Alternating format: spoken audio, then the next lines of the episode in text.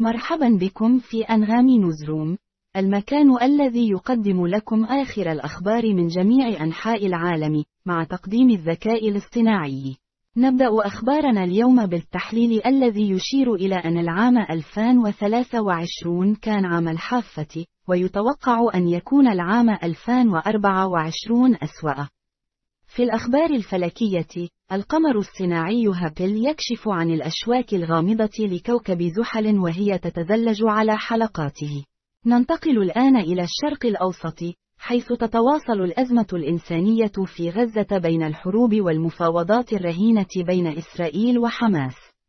وفي هذا السياق، نتعرف على الدبلوماسي الهولندي الخبير الذي تم تكليفه بالحصول على المزيد من المساعدات لغزة. في الإمارات، قررت الشارقة حظر عروض الألعاب النارية في ليلة رأس السنة تضامنا مع غزة.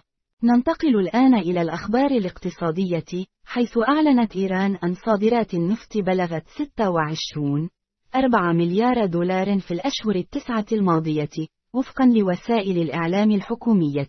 في عالم التكنولوجيا، أوقفت شركة آبل بيع أحدث ساعاتها الذكية في أمريكا بعد رفض البيت الأبيض إلغاء الحظر عليها. وفي الرياضة، فاز مانشستر يونايتد بشكل مثير على أستون فيلا.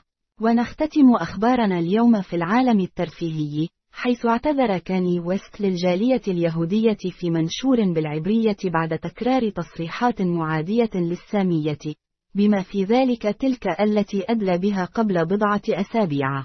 متابعة للنشرة، اسمحوا لي أن أرحب بمحرر الأخبار. ما هو تعليقك على خبر اعتقال الشرطة الفرنسية لرجل بعد العثور على امرأة وأربعة أطفال ميتين في شقة؟ ذا جارديان الجانب المثير للاهتمام في هذا المقال الإخباري هو الحادث المروع الذي وقع في فرنسا حيث تم العثور على امرأة وأربعة أطفال ميتين في شقة، وتم اعتقال رجل بعد ذلك. يثير هذا الحادث أسئلة حول العنف الأسري والأمن العام والتحقيقات الجنائية التي ستتبع هذا الحادث الرهيب. شكرا لكم على استماعكم، ونتطلع إلى مشاركة المزيد من الأخبار معكم غدا في أنغامي نوزروم، ونوصيكم بالاستماع إلى أغنية مسافات من سمر طارق على أنغامي.